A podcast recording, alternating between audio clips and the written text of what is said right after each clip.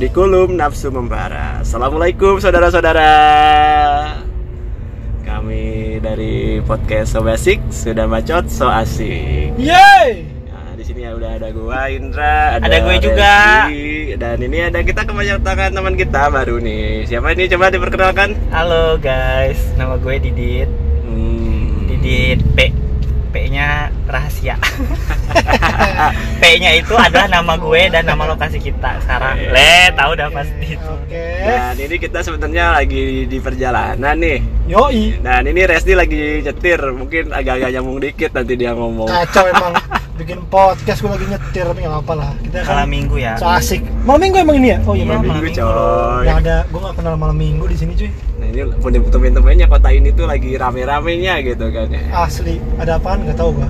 Bicara tentang kota ini coy, ini dari kita bertiga kan nggak ada yang asli sini nih. Betul. Nah, bis- Impor oh iya pada impor kan. Apalagi nih Didit dari mana nih? dari ujung Sumatera Aceh, Banda Waduh, Aceh City. Luar biasa. Jauh banget ya mainnya ya. Ya sebenarnya gue gak nggak terbilang baru ya kalau masalah merantau atau jalan-jalan gitu soalnya dari mulai kuliah gue tuh udah merantau keluar dari my hometown yaitu gue kuliah di PB di Bogor terus sekarang baru di Di kota Itit. Tayang Tit.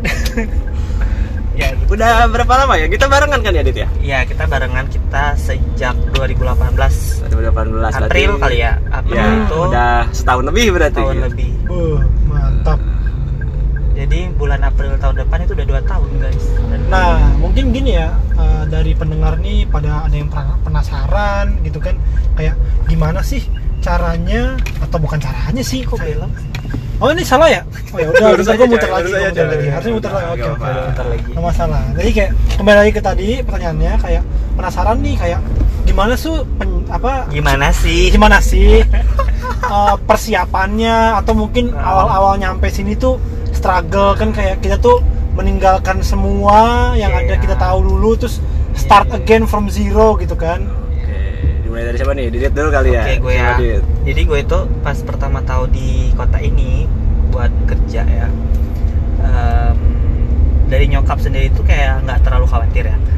Cuman gue nya sendiri tuh kayak nggak ada gambaran tentang gimana keadaan kotanya. Tapi emang udah kayak hmm gimana ya nggak terlalu berekspektasi gitu. Soalnya gak mau yang tak takut kecewa gitu tapi emang sih pas nyampe di bandaranya aja tuh udah menggambarkan lah ya karena kan bandara biasanya ngambarin gimana kotanya secara Hmm. umum gitu ya Iya. dari kita masuk pertama gitu kayak etalasenya dan pas dari bandaranya aja udah kayak setting ekspektasi dengan serendah eh, mungkin gitu ya nggak serendah mungkin juga maksudnya dengan sewajarnya dengan Oh, porsinya oke, oke. gitu dan pas pas ngecek di aplikasi ojek online pun itu tuh belum ada sama sekali Gojek ya. Iya, kayak muncul tuh adalah mohon maaf layanan ini belum tersedia di kota anda.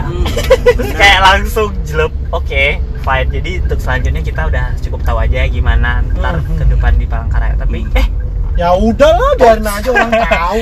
Ya udah ya. Tapi, tapi, iya. saya emang sih kalau di awal-awal gue datang tuh emang belum ada sama sekali. Tapi sekarang udah udah lumayan lah ya. Sekarang udah lumayan tuh, Gojek udah ada, Grab ada, bandara juga baru kan. Iya dan akhir-akhir ini tuh baru ada ini guys. Kayak layanan Go Clean. Jadi Yo. kayak lo misalnya mau up bersihin Iya, kosan, bersihin kosan, Belum lah ya, Jadi apartemen. udah udah lumayan lah kalau eh, sekarang.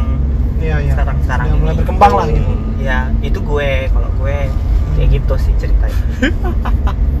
nah lanjut nih masih in gimana masih in Nah, kalau gua sih ya di sini sebenarnya memang nggak kebayang juga ya bakal ke sini sih ya. Cuman sebelumnya memang karena udah di kota lain yang di pulau ini juga. Jadi ya udah biasa lah dengan nggak usah ekspektasi gitu jadinya kan. Tapi kota itu kayak lebih bagus ya daripada ini. balik papan ya Balikpapan. Ah, iya sih. balik papan lebih maju lah tapi bukan Better lah ya. Mm, Jauh lebih better. Better sih better. Cuman ya di sini kan kita bisa lebih santai. aduh Nah ini si manusia terakhir yang coba res jadi penghuni Eh, terbaru ya oh iya terbaru iya, nih iya. kalau masalah Ini- datang datang tuh udah, Udah ada disambut ses- dengan ya fenomena ini. yang sangat jarang terjadi di Jakarta mungkin Iya, ya nggak iya. pernah ada mungkin. gimana gimana coba Nih, tar dulu nih, gue tanya balik. Ini Ah. ceritanya tuh detail mungkin kayak dari pertama kali dapet tugas ini atau pas udah nyampe nya langsung gimana tuh? suka suka lu dah gimana Suka-suka gua ya? Yeah. Oke. apa yang paling berkesan di lo pas nyampe di sini Oke, Den? pas sebenarnya kan ya gue jujur aja nih, gue tuh dari kecil itu nggak pernah ngerantau. Hmm. Kayak gue lahir, lahir sih emang ya kan kelahiran anak rumahan ya Wak? Intinya tuh ya gue besar tuh di satu kota di ya di Depok gitu kan terus juga introvert. sampai gue kuliah tuh di sana dan emang gue nggak pernah keluar dari kalau kata bapak-bapak dulu tuh zaman Pak Teddy namanya itu keluar dari ketek emak gitu lah itu nggak pernah keluar gitu. Jadi pertama kali dapet tahu di sejauh ini kayak ya Allah wakbar kabiro kayak astagfirullah ini di mana? Gue tahu karena kan ya ini kan eh sorry sorry maaf maaf maaf.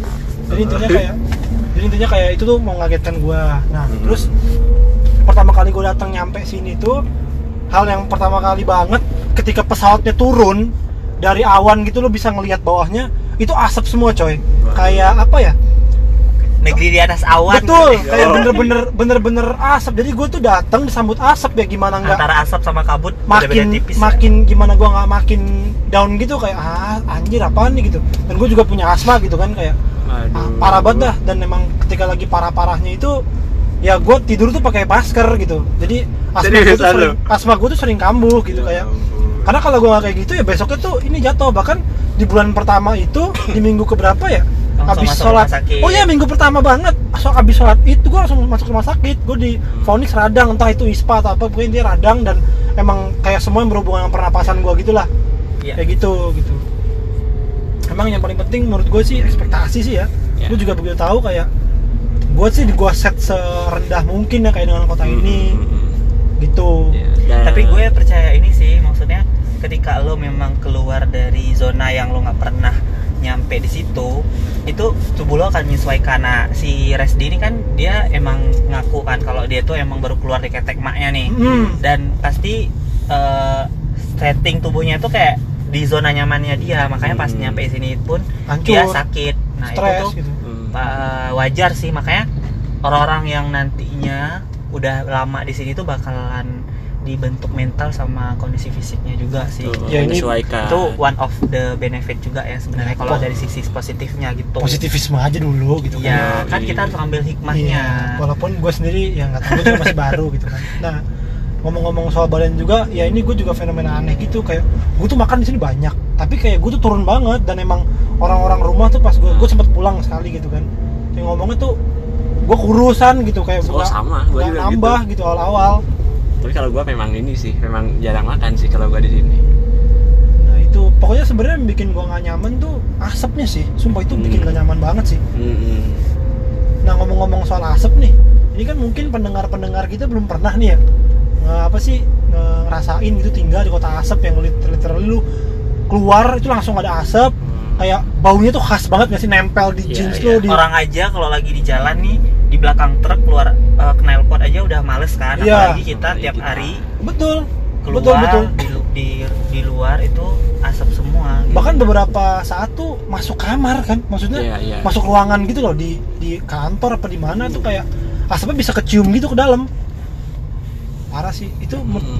gimana tuh mungkin ada pendapat-pendapat lain kan asap itu kalau asap itu sebenarnya kan memang gara-gara orang ya sih itu 99% sih ada yang di ya karena karena kita sendiri yang lalai entah itu sih sengaja atau nggak sengaja gitu kan. Kacau banget sih. Kalau yang kemarin itu bulan apa ya Agustus Hmm. itu sempat keluar keluar tuh si helikopter yang bawa air itu di dalam Ah, kota tuh bolak-balik bolak-balik. Cuman karena sekarang eh, yang kebakaran itu bukan di dalam kotanya jadi nggak ada lagi kayak begituan. Ya ada mungkin tapi nggak ngambil dari nggak lewat sini gitu. Jadi kita nggak tahu. Intinya kalau bisa dideskripsi, dideskripsikan sih kayak ada tungku api di dalam ruangan gitu. Yep. ngirup asap itu. Jadi emang masker tuh sebuah kewajiban gitu. Dan maskernya tuh nggak bisa yang masker medis. Harus yang N95 lah karena N95 kalau enggak tuh ya sakit lo gitu. Dan yang paling kesian tuh anak-anak kecil gitu. Pas 17-an tuh mereka dikasih disuruh itu apa baris per baris gitu loh. Berbaris ya. Dan Asli sih. banyak uh, sekolah juga yang liburin kan. Ya sekarang lagi libur nih sekolah. Soalnya bahaya banget. Tapi ada yang bilang memang kejadian di tahun ini tuh tahun 2019 sebenarnya tidak separah di 2015 Hmm, tapi betul. kita aja yang baru ngerasain di 2019 kayak gini aja udah Wah, udah ampun-ampunan gitu kan. Iya, iya. nggak bayang nggak kebayang sih gimana kalau 2015 Hmm, itu betul. kejadian kita kan gitu. sampai penerbangan udah ditutup Nah, gitu iya. kan itu kan kayak kita seolah-olah terisolir gitu sama dunia Oh. luar kan Nah, soal penerbangan cancel, Oh, itu iya. tuh langsung kejadian di gue. Jadi waktu itu gue emang eh, ada acara di Jogja waktu itu, kemudian pas balik ke sini ke Palangkaraya itu penerbangan semuanya itu di cancel kan, termasuk yang dari bandara eh, Kulon Progo ke Palangkaraya karena itu direct.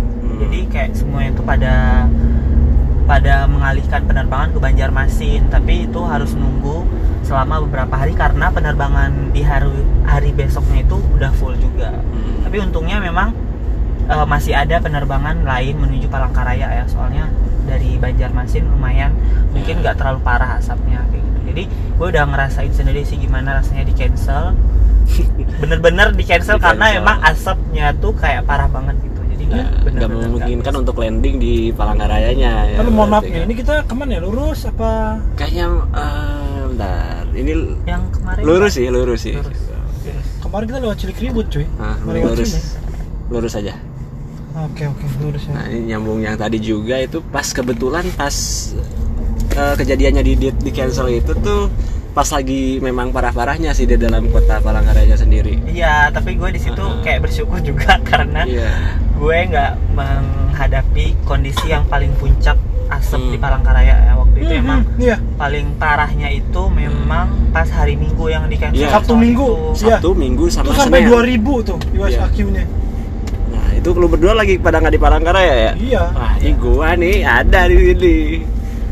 Wah. Nah itu gimana cerita dong cerita nih mungkin 2000 tuh sampai rusak gitu sampai kriset 2000 tuh sampai bener-bener kuning, lumayan kuning lah gitu. Waktu pas hari Minggu itu gua kebetulan ikut ke tempat eh, titik apinya, bukan titik api juga sih, asap asapnya tuh masih menjalar-jalar gitu. Walaupun apinya mungkin di dalamnya aja sih, di dalam tanahnya yang paling dalam gitu, tapi asapnya masih keluar. Di situ kan sebenarnya ada apa namanya pundi-pundi kita di situ gitu ya yang harus saya amankan adalah itu masalah pekerjaan kan Hmm. pokoknya saya ikut ke sana gua habis itu kan ya nyiram-nyiram lah supaya apinya kan padam gitu. Di situ jarak pandangku nih ya nggak ada kayaknya 10 meter. Parah banget waktu itu kabutnya. Tapi sekarang eh, memang dari kejadian yang kebakaran ini kita emang banyak belajar sih kalau sebenarnya kejadian kebakaran hutan ini kayak apa ya kejadian yang emang manusia banget sih penyebabnya Ya, betul, gitu betul. kan. Manusia. karena kan di sini udah ke- pernah kejadian di tahun 2015 kok Hmm. kejadian lagi gitu di Hmm. tahun ini gitu kalau gue baca sebenarnya tuh memang ada siklus di bagian katulistiwa ini kayak berapa tahun sekali pasti ada kemarau yang bikin semuanya kan kering gitu gitu kan karena tanah di sini tuh tanahnya gambut jadi lebih mudah terbakar karena Nah, suhunya itu. yang panas Nggak. cuman kenapa bisa separah ini yaitu ya karena pasti ada campur tangan orang sih.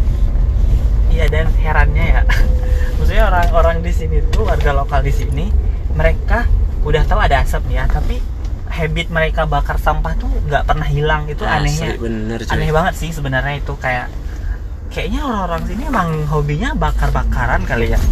entah Makanya- mungkin Makanya itu- pembuangannya ya. Hmm. pembuangan mungkin memang nggak terlalu banyak di sini tempat pembuangan sampahnya TPA kalau, TPA kalau pembuangan sih bukan eh, penyebabnya, tapi emang mereka tuh lebih emang kebiasaan ya namanya kebiasaan.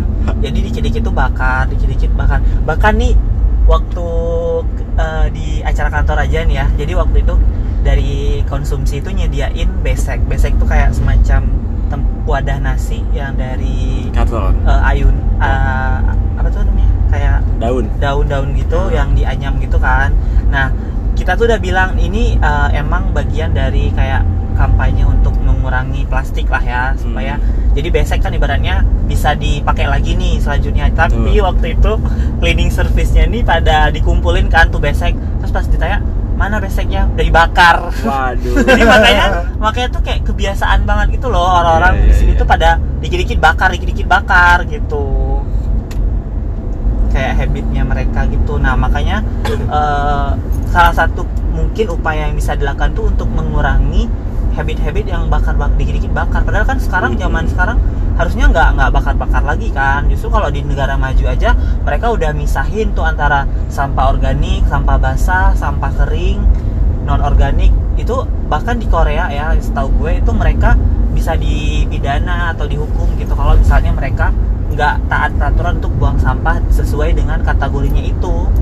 Kayak gitu. Nah, bahkan sampai segitunya. Makanya mungkin edukasi itu emang harus dimulai dari menghilangkan kebiasaan untuk bakar sampah. Jangan bakar sampah dulu gitu loh. Ntar Iya, baru iya. ke depannya kita mikirin gimana pemilahan sampahnya. Gitu. Nah terus juga ngomong-ngomong soal bakar-bakar nih ya. Waktu itu gue juga pernah kan kayak di, di kota Palangkaraya itu kan sendiri kan gede banget ya.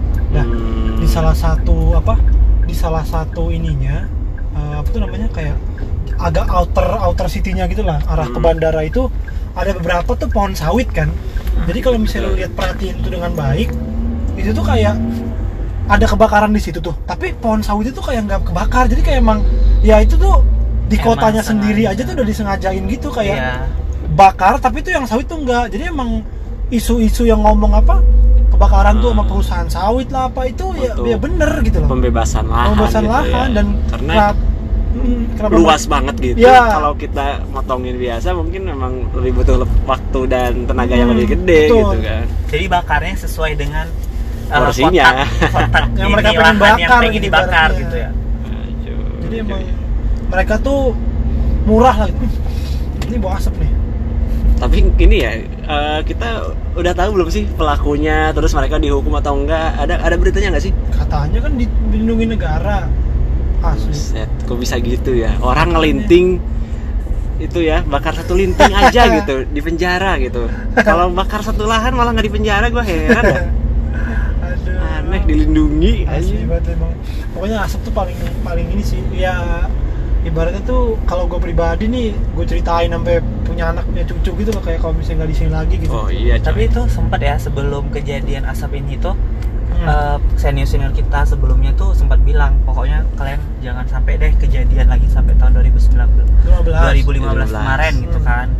Karena itu parah banget dan gue kayak nggak menyangka ternyata ya walaupun nggak separah itu tapi kita sempet ngerasain asap gitu loh. Tapi tapi gini ya cuy ya kemarin tuh ya gue ini kan karena asap ini waktu gue dinas dari Balikpapan tuh gue ke Banjarmasin kan. Hmm. nah dari Banjar tuh gue lewat ini apa lewat darat kan. Jadi kayak beberapa lewat beberapa tempat yang emang kebakaran tuh parah gitu. Nah itu satu tempat di Pulang Pisau kalau nggak salah itu tebel banget. Asli.